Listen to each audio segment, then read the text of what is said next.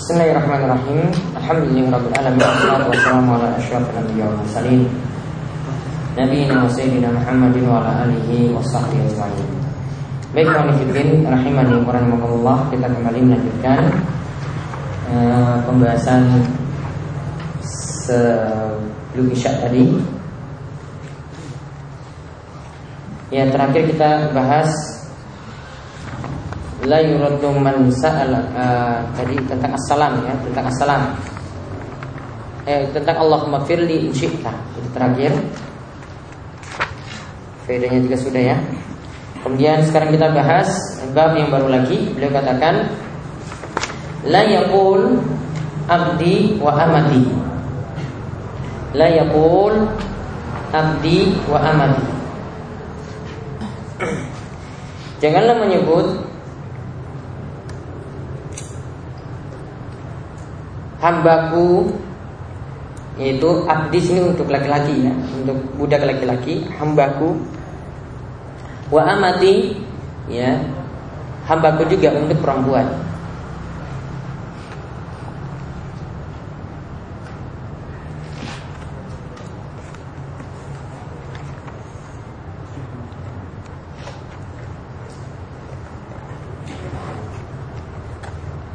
Jadi di sini termasuk ya bentuk lafaz yang keliru. Karena kalau penyebutan abdi, hambaku itu hanya bisa kita sebutkan pada Allah Subhanahu wa taala. Jadi Allah lah yang menyebut hambaku. Allah lah yang menyebut dengan amati ya, hambaku juga. Jadi kita dilarang adab yang kurang bagus, ya, kita dilarang terhadap adab yang kurang bagus dalam hal rububiyah yaitu dalam hal penghambaan.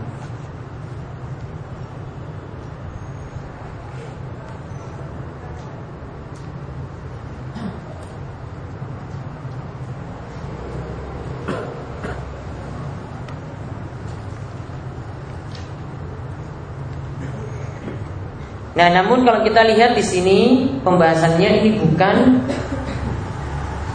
langsung orangnya itu memaksudkan penyebutan tadi untuk kesyirikan. Ya dia menyebut budaknya itu misalnya wahai hambaku, bukan dia bukan memaksudkan untuk orang yang majikannya ini untuk disembah bukan. Namun lafaz ini dapat mengantarkan kepada kesyirikan. Makanya jalannya itu ditutup. Satu zara'i tujuannya adalah satu zara'i.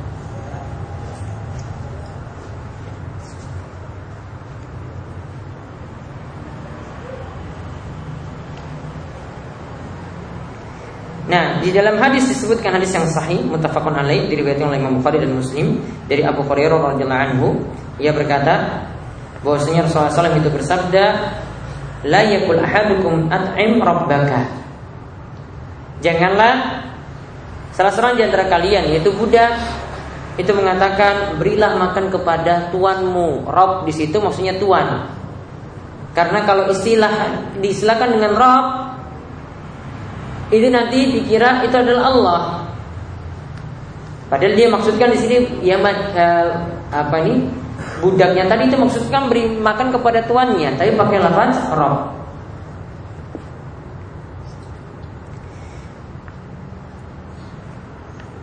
Waddi robbaka atau juga sama, ya.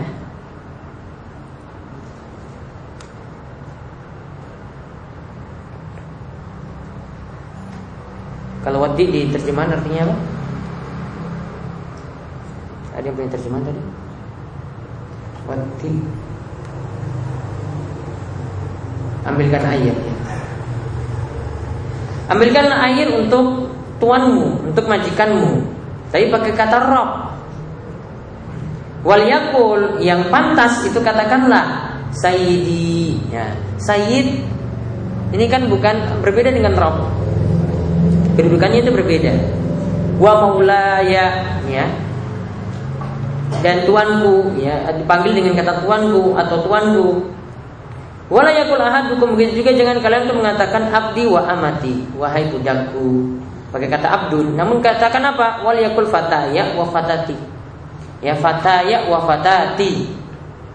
Maksudnya juga sama, yaitu budakku. Namun kalau abdun itu nanti ada bentuk penghambaan. Rob juga tadi Ya, Rob itu nanti malah menuju kepada Allah Subhanahu wa taala.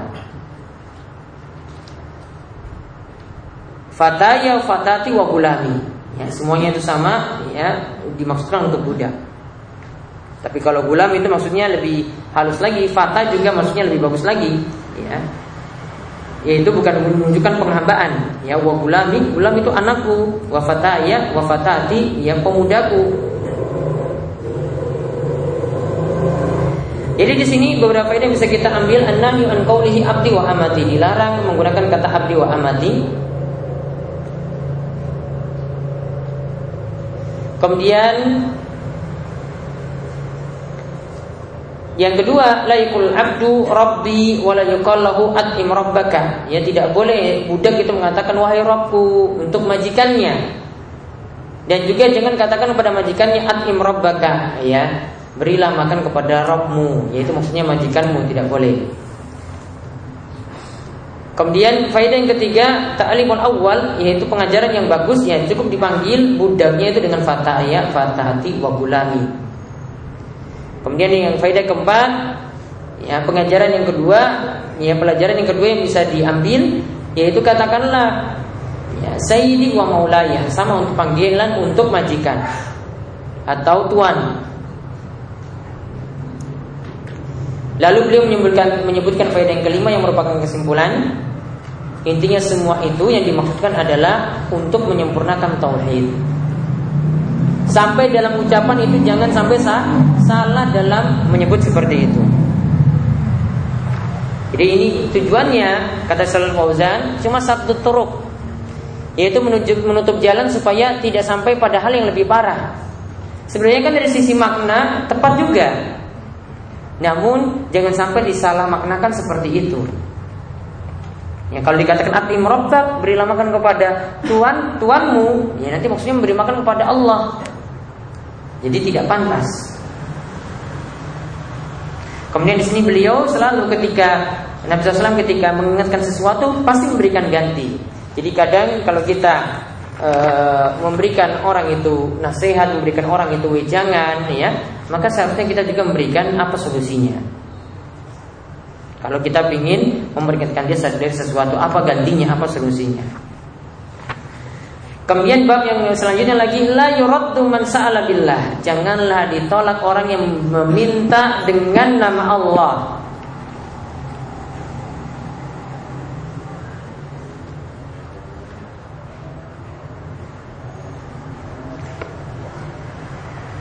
Jadi kalau ada yang meminta dengan nama Allah jangan ditolak permintaannya. Kita lihat dalam saja hadisnya dari Ibnu Umar radhiyallahu anhu, ia berkata bahwasanya Rasulullah SAW itu bersabda, Man ista'adza billah. Barang siapa yang meminta perlindungan dengan nama Allah, maka berilah perlindungan padanya. Wa man sa'ala billah fa'atuhu dan barang siapa yang meminta dengan nama Allah, maka berikanlah padanya. Wa man da'akum fa'ajibuhu. Dan barang siapa yang mengundang kalian, maka penuhilah undangannya. Wa man sana'a ilaikum ma'rufan fakafi'uhu. Dan barang siapa yang memberikan kepada kalian itu kebaikan maka balaslah. Fa illam tajidu ma tukafi'uhu fad'ulahu. Dan jika kalian tidak mendapati sesuatu untuk membalasnya fad'ulahu maka doakanlah dia. Hatta turau annakum qad kafatumuhu sampai kalian yakin bahwasanya kalian itu sudah membalasnya. Kalau belum yakin ya terus doakan, terus doakan, terus doakan. Maka ada beberapa poin di sini dijelaskan oleh beliau yang kita bahas la yuraddu man sa'ala billah. Tidak boleh ditolak kalau ada yang sudah bawa nama Allah. Sudah ada yang sudah meminta dengan nama nama Allah.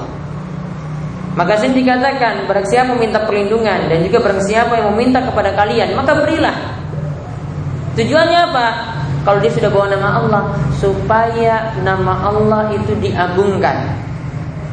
Supaya nama Allah Subhanahu wa taala itu dimuliakan. Nah itulah yang menunjukkan dia itu ingin menyempurnakan tauhid karena dia mengagungkan Allah di situ.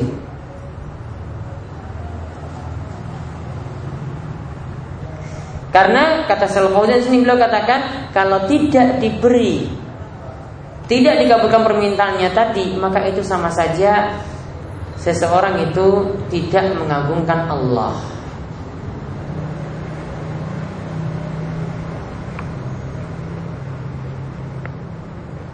Kemudian beliau ajarkan bentuk adab yang lainnya wa mandaakum fa'ajibu. Barang siapa yang mengundang kalian, yaitu maksudnya sini adalah undang makan.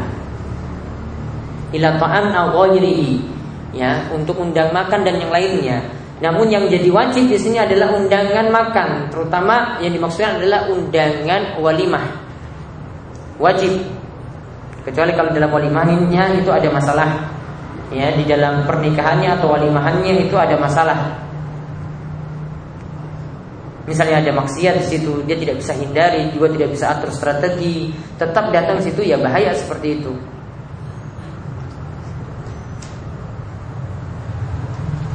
Kemudian akhlak yang lain lagi beliau jelaskan di sini adalah waman sona ilaikum ma'rufan fakafiu yaitu ya tentang membalas budi baik orang lain membalas budi baik orang lain. Yaitu barang siapa yang memberikan kepada kalian kebaikan, maka balaslah. Balas kalau ada yang memberikan makan misalnya ya kita balas juga. Kalau ada yang sering memberikan hadiah ya kita juga membalasnya. Kalau ada yang biasanya traktir ya balas juga.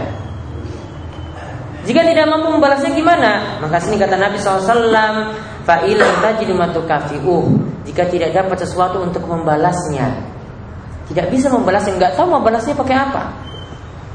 Ya, maka falulahu maka doakanlah dia. Ya, doakanlah dia sampai hatta turo sampai kalian itu yakin bahwasanya kalian itu sudah membalasnya. Kalau belum yakin ya sudah, ya balas terus dengan doa terus dengan doa terus dengan doa terus. Termasuk juga di sini adalah kepada kedua orang tua. Ya karena orang tua itu biasanya tidak pernah di, bisa dibalas.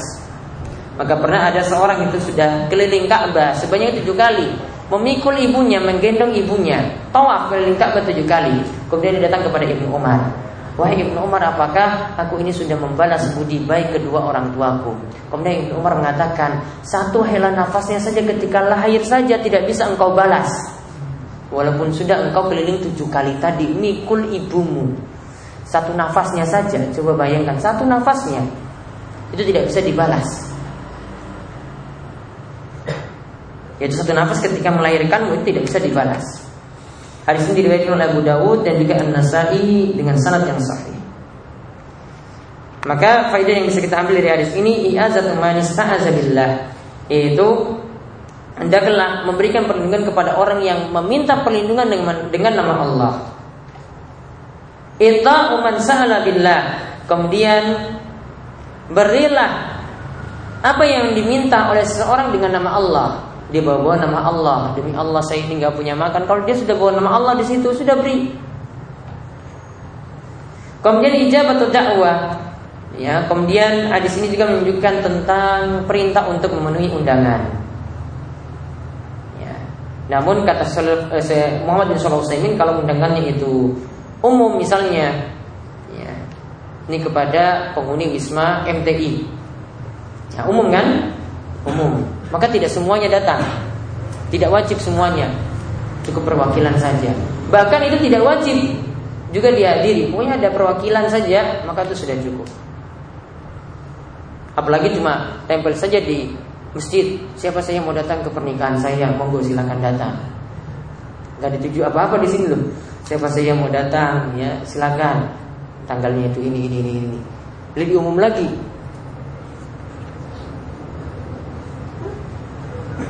Kemudian yang keempat, al mukafat al sanihah, yaitu hendaklah membalas orang yang berbuat baik kepadamu. Kemudian yang kelima, an doa mukafatun liman lam yakdir illa alaih. Dan doa itu bisa membalas budi orang lain jika kita tidak bisa membalas seperti yang dia beri. Maka balaslah dengan doa. Kemudian yang keenam, ya kapan dia terus didoakan? Yaitu sampai yakin itu sudah dibalas. Kalau belum yakin ya tetap doakan terus. Kemudian yang berikutnya lagi bab la yus'alu biwajhillahi illal jannah. Tidak boleh sesuatu itu diminta dengan wajah Allah kecuali yang diminta adalah surga.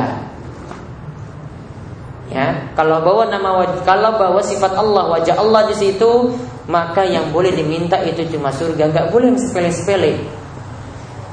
Nggak boleh dalam doa ya dengan wajahmu ya Allah saya mau minta HP tidak boleh. Yang sepele. Harus sesuatu yang mulia juga. Wajah Allah yang mulia. Ya, wajah Allah itu mulia. Diminta dengan sifat yang mulia. Maka isi permintaannya juga sesuatu yang mulia bukan sesuatu yang hakir sesuatu yang sepele maka lihat hadisnya dari Jabir radhiyallahu anhu ia berkata Rasulullah SAW itu bersabda la yus'alu bi wajillahi illal jannah. Janganlah diminta dengan wajah Allah kecuali surga. Ya, jadi sesuatu yang mulia juga yang diminta, tidak boleh sepele-sepele. Dan ini bukan hanya berlaku untuk ini bukan hanya dengan wajah Allah saja. Ini kan sifat ya, dengan wajah Allah. Namun juga berlaku untuk sifat-sifat Allah yang lainnya. Kalau itu adalah sifat-sifat yang mulia, maka yang diminta juga adalah sesuatu yang mulia. Ini kata Syekh Shalal Syekh seperti itu. Beliau katakan kalau yang diminta itu adalah sesuatu yang kalau yang diminta itu dengan sesuatu yang mulia, maka yang permintaannya juga harus mulia. Karena pakai nama Allah yang mulia, maka harus juga diminta sesuatu yang mulia. Hadis ini diriwayatkan oleh Abu Daud namun Syekh Shalih Al Utsaimin katakan sanadnya dhaif.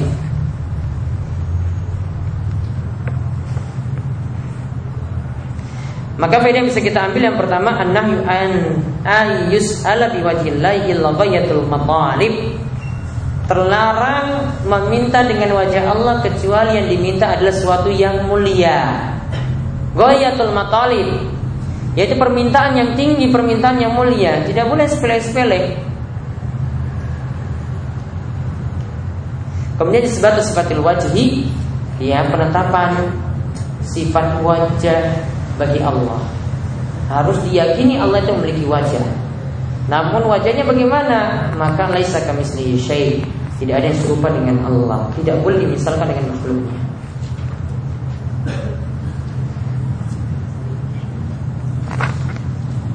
Kemudian bab yang terakhir yang kita bahas bab maja afilau yaitu tentang kata seandainya. Tentang perkataan seandainya.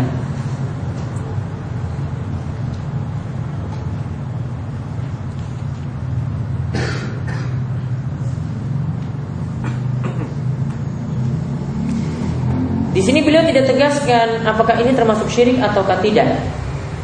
Beliau cuma katakan maja afil lau yaitu tentang perkataan lau. Beliau tidak tegaskan ini haram. Ini termasuk kesyirikan. Jadi beliau belum tegaskan maka ada rincian berarti dalam masalah ini.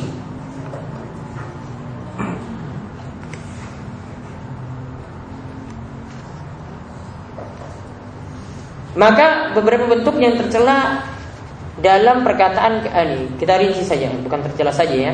Perkataan seandainya itu ada berapa rincian? Yang pertama,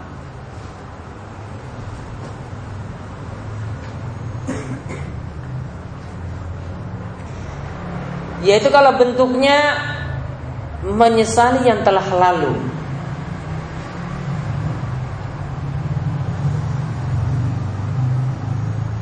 Hasil ujiannya jelek Gara-gara nonton bola misalnya Kemudian dia menyesal ya seandainya tadi malam tuh nggak nonton bola, pasti saya dapat A. Menyesal kan dia menyesali. Yang lalu sudah lewat. Seandainya juga kembali pun nggak bisa. Mungkin ada alasan lain Allah takdirkan juga tetap sama juga seperti itu. Dia menyesal. Kalau bentuknya adalah penyesalan tidak dibolehkan.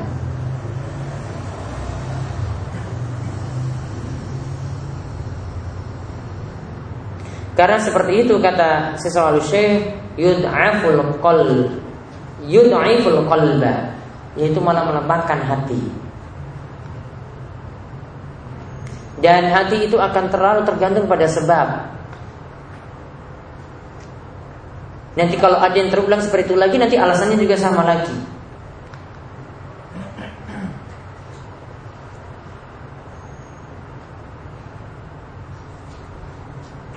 Kemudian bentuknya lagi yang kedua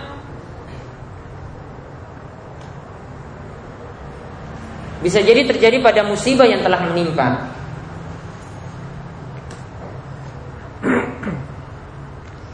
Maka tidak boleh juga mengatakan seandainya Seandainya tidak terjadi gempa ini Maka tidak seperti ini, seperti itu Kalau bentuknya tadi menyesali musibah, ya bentuknya juga mesti menyesali. Beda kalau cuma menceritakan. Dari kalimat itu kita bisa lihat nanti.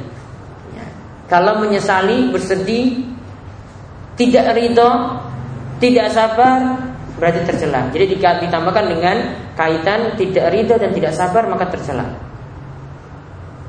Jadi kewajibannya kalau dapat musibah ya sudah ridho dan sabar terhadap menghadapi musibah tersebut. Kemudian berbanyak tobat supaya segera terangkat dari musibah.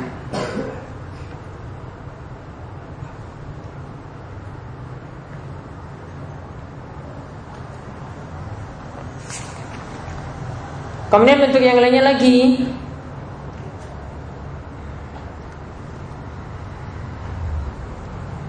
Untuk perkataan seandainya untuk akan datang. Jadi dia berandai-andai. Oh ini seandainya saya itu belajar seperti ini Strateginya seperti ini, seperti itu. Maka mungkin hasilnya seperti ini. Ya, Dia berandai-andai untuk akan datang Nah di sini kata Salih al Syekh seperti itu masih dibolehkan. Tidak termasuk dalam larangan.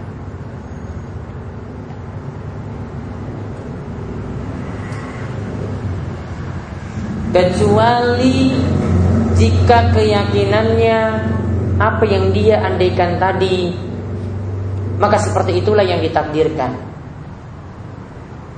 Jadi seakan-akan dia itu menghakimi, dia memutuskan ini pengandaian saya ini nanti pasti seperti itu.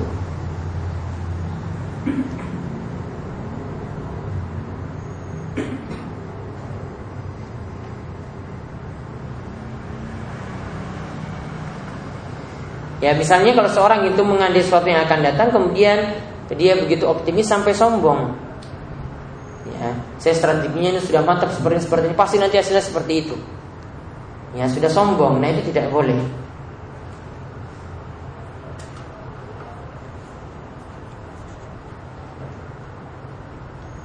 Jadi intinya pembahasan lau di sini ini karena bertentangan dengan tauhid. Ya, karena bertentangan dengan tauhid yaitu kesempurnaan tauhidnya itu berkurang. Ya, kesempurnaan tauhidnya itu berkurang. Karena ada yang sampai menyesali takdir. Ada yang sampai menyesali musibah tidak sabar. Ini adalah bentuk-bentuk yang menandakan tauhidnya tidak sempurna, imannya tidak sempurna.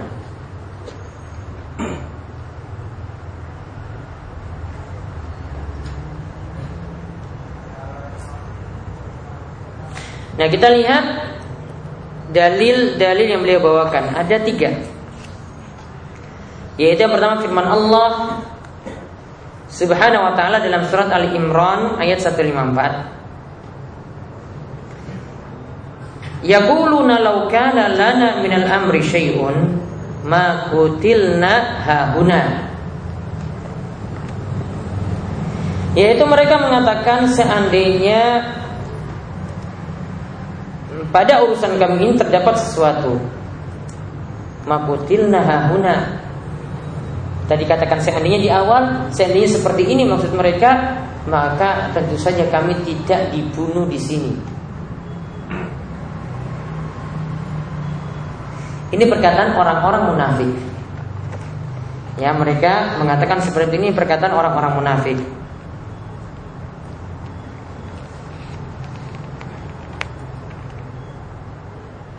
Yaitu mereka begitu menyesali takdir Sampai ada yang terbunuh di situ, maka mereka mengandeng-andeng seperti tadi menyesal yang telah lalu, tidak dibolehkan.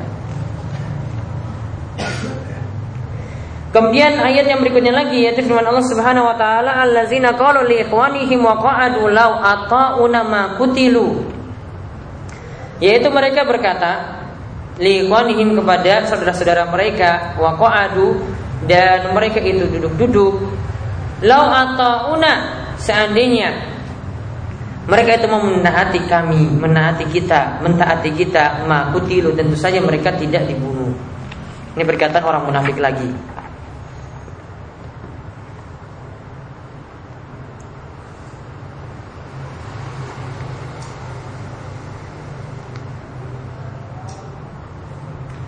Ini juga sama keadaan orang munafik itu menyesali yang musibah yang terjadi, mereka menyesali takdir tersebut.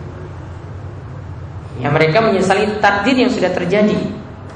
Nah ini juga menunjukkan suatu celaan atau larangan. Nah kemudian ada hadis lagi dari Abu Hurairah radhiyallahu anhu anna Rasulullah sallam bahwasanya Rasulullah sallam qala bersabda ikhris ala ma yanfa'u Bersemangatlah atas hal yang bermanfaat untukmu wasta'in billah dan meminta tolonglah pada Allah wala ta'jizanna dan janganlah pernah lemah wa in asabaka syai'un dan jika kalian itu tertimpa sesuatu fala taqul janganlah katakan lau anni fa'altu kada lakana kada wa kada seandainya aku ini melakukan seperti ini seperti itu pasti jadinya seperti ini seperti itu. Walakin kul akan tapi katakanlah qaddarallahu wa masya'a fa'al. Ini sudah jadi takdir Allah apa yang Allah kehendaki itu pasti terjadi fa inna lau taftahu amal syaitan. Karena lau itulah pembuka pintu syaitan. Perkataan andai-andai tadi seandainya jika seperti ini itu akan membuka pintu-pintu syaitan. Maka faedah yang bisa kita ambil dari hadis ini? Yaitu tiga hal yang beliau sebutkan di awal, tiga hal yang disebutkan oleh Nabi SAW di awal, yaitu kalau kita mau meraih hal yang bermanfaat, lakukanlah tiga langkah. Kalau kita mau meraih hal yang bermanfaat, lakukanlah tiga langkah. Yang pertama, ikhris. Semangat, pupuk semangat dalam hal yang bermanfaat. Kalau yakin itu bermanfaat, maka terus meneruslah meraih manfaat dari hal itu. Berusaha untuk cari manfaat. Wasta'in billah. Kemudian langkah yang kedua untuk meraih manfaat adalah meminta tolong pada Allah. Meminta tolong pada Allah di sini juga termasuk pasrah terhadap hasil. Nanti akan disebutkan dalam ya potongan hadis setelah itu. Kemudian wala ta'jizanna jangan patah semangat. Terapkan ini untuk urusan dunia maupun urusan akhirat. Pasti hasilnya akan diperoleh.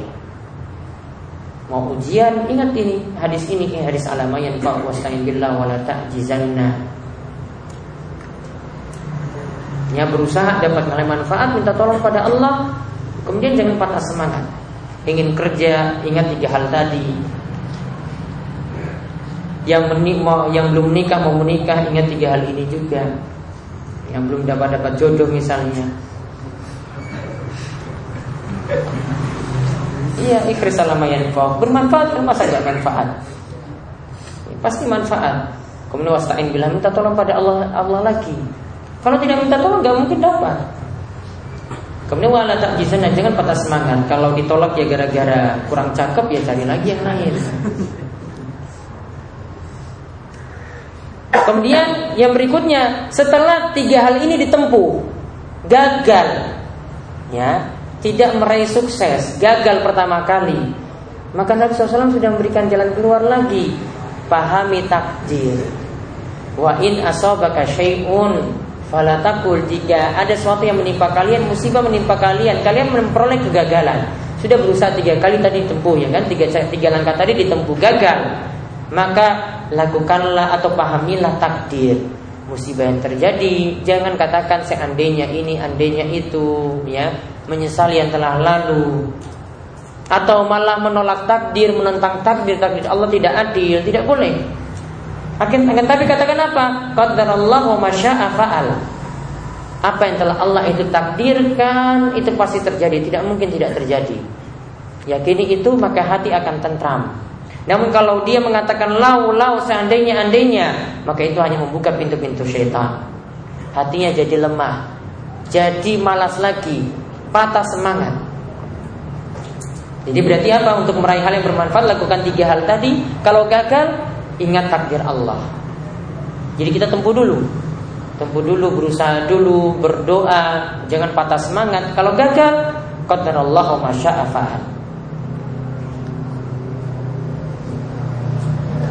Kaitannya dengan bab ini apa tadi? Tidak boleh mengatakan lau untuk menyesali apa yang sudah terjadi. Tidak boleh dia katakan seandainya aku seperti ini dulu. Seandainya strategiku seperti ini. Seandainya seperti itu. Padahal sudah terjadi. Harusnya dia lakukan apa? Sudah dia dia pahami takdir ini sudah menjadi takdir Allah. Dia perbaiki tadi yang keliru, yang salah dia susun lagi strategi baru. Kemudian lakukan tempuh tiga cara lagi tadi. Ya, tiga langkah tadi dia tempuh lagi. Maka nanti dia akan berusaha terus berusaha dan Allah Subhanahu wa taala akan memudahkannya. Maka dari dalil-dalil tadi dari tiga dalil tersebut beliau tarik faedah yang pertama tafsirul ayataini fi Ali Imran yaitu ada dua faedah dari dua ayat dalam surat Ali Imran 154 dan 168 yang membicarakan tentang masalah lau lau itu kadang tidak dibolehkan ya contohnya dalam dua ayat itu. Kemudian yang kedua an-nahyu ada larangan tegas yaitu untuk perkataan lau anni idza asabaka syai'un untuk mengatakan seandainya ini terjadi andainya itu andainya ini jika seandainya idza asabaka syai'un idza asabaka syai'un jika ada sesuatu yang menimpa kita Kemudian yang ketiga ta'lilul mas'alah bi anna zalika yaftahu amal syaitan. Kenapa lau tidak boleh diucap saat itu? Ketika musibah itu sudah menimpa, ketika gagal itu yang Allah takdirkan, kenapa lau tidak boleh? Dikatakan maka di sini diberikan alasan karena itu akan membuka pintu setan. Setan akan memberikan was-was. Ya akan setan akan tanam penyesalan kepada kita. Hanya menyesal, hanya menyesal tidak berusaha untuk memperbaiki diri. Kemudian yang keempat al-syadu ilal kalam al-hasan. Di sini ada petunjuk Jangan katakan lau Namun Nabi SAW beri petunjuk Ya ucapkanlah perkataan yang baik Itu apa? Qadarallah wa masya'a fa'al apa yang Allah takdirkan itulah yang pasti akan terjadi. Kemudian yang kelima al-amru bil hirs. Perintah untuk semangat, alamayan fa pada hal yang bermanfaat. Ma'al isti'anati billah ditambah dengan banyak minta tolong pada Allah, berdoa pada Allah. Kemudian yang keenam yang terakhir an-nahyu an dzalika wa huwal ajz. Larangan untuk melakukan kebalikan dari yang tadi yaitu sifat malas. Ya, sifat malas patah semangat. Ya. Maka ini bisa bisa kita lakukan tadi yang hadis yang Nabi SAW sampaikan dalam hadis Abu Hurairah tadi.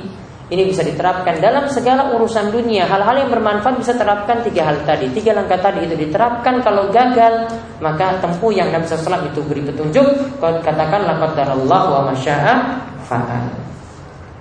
Nah inilah yang kami sampaikan pada kesempatan malam hari ini. Ya insya Allah pada pertemuan berikutnya Kita masih membahas lagi beberapa bab yang lainnya. Ya tentang sabar Dan bab-bab selanjutnya. Ya kurang lebih 9 atau 10 bab. Mungkin bisa tiga pertemuan lagi. Setelah Ramadan. Jadi selama Ramadan itu libur uh,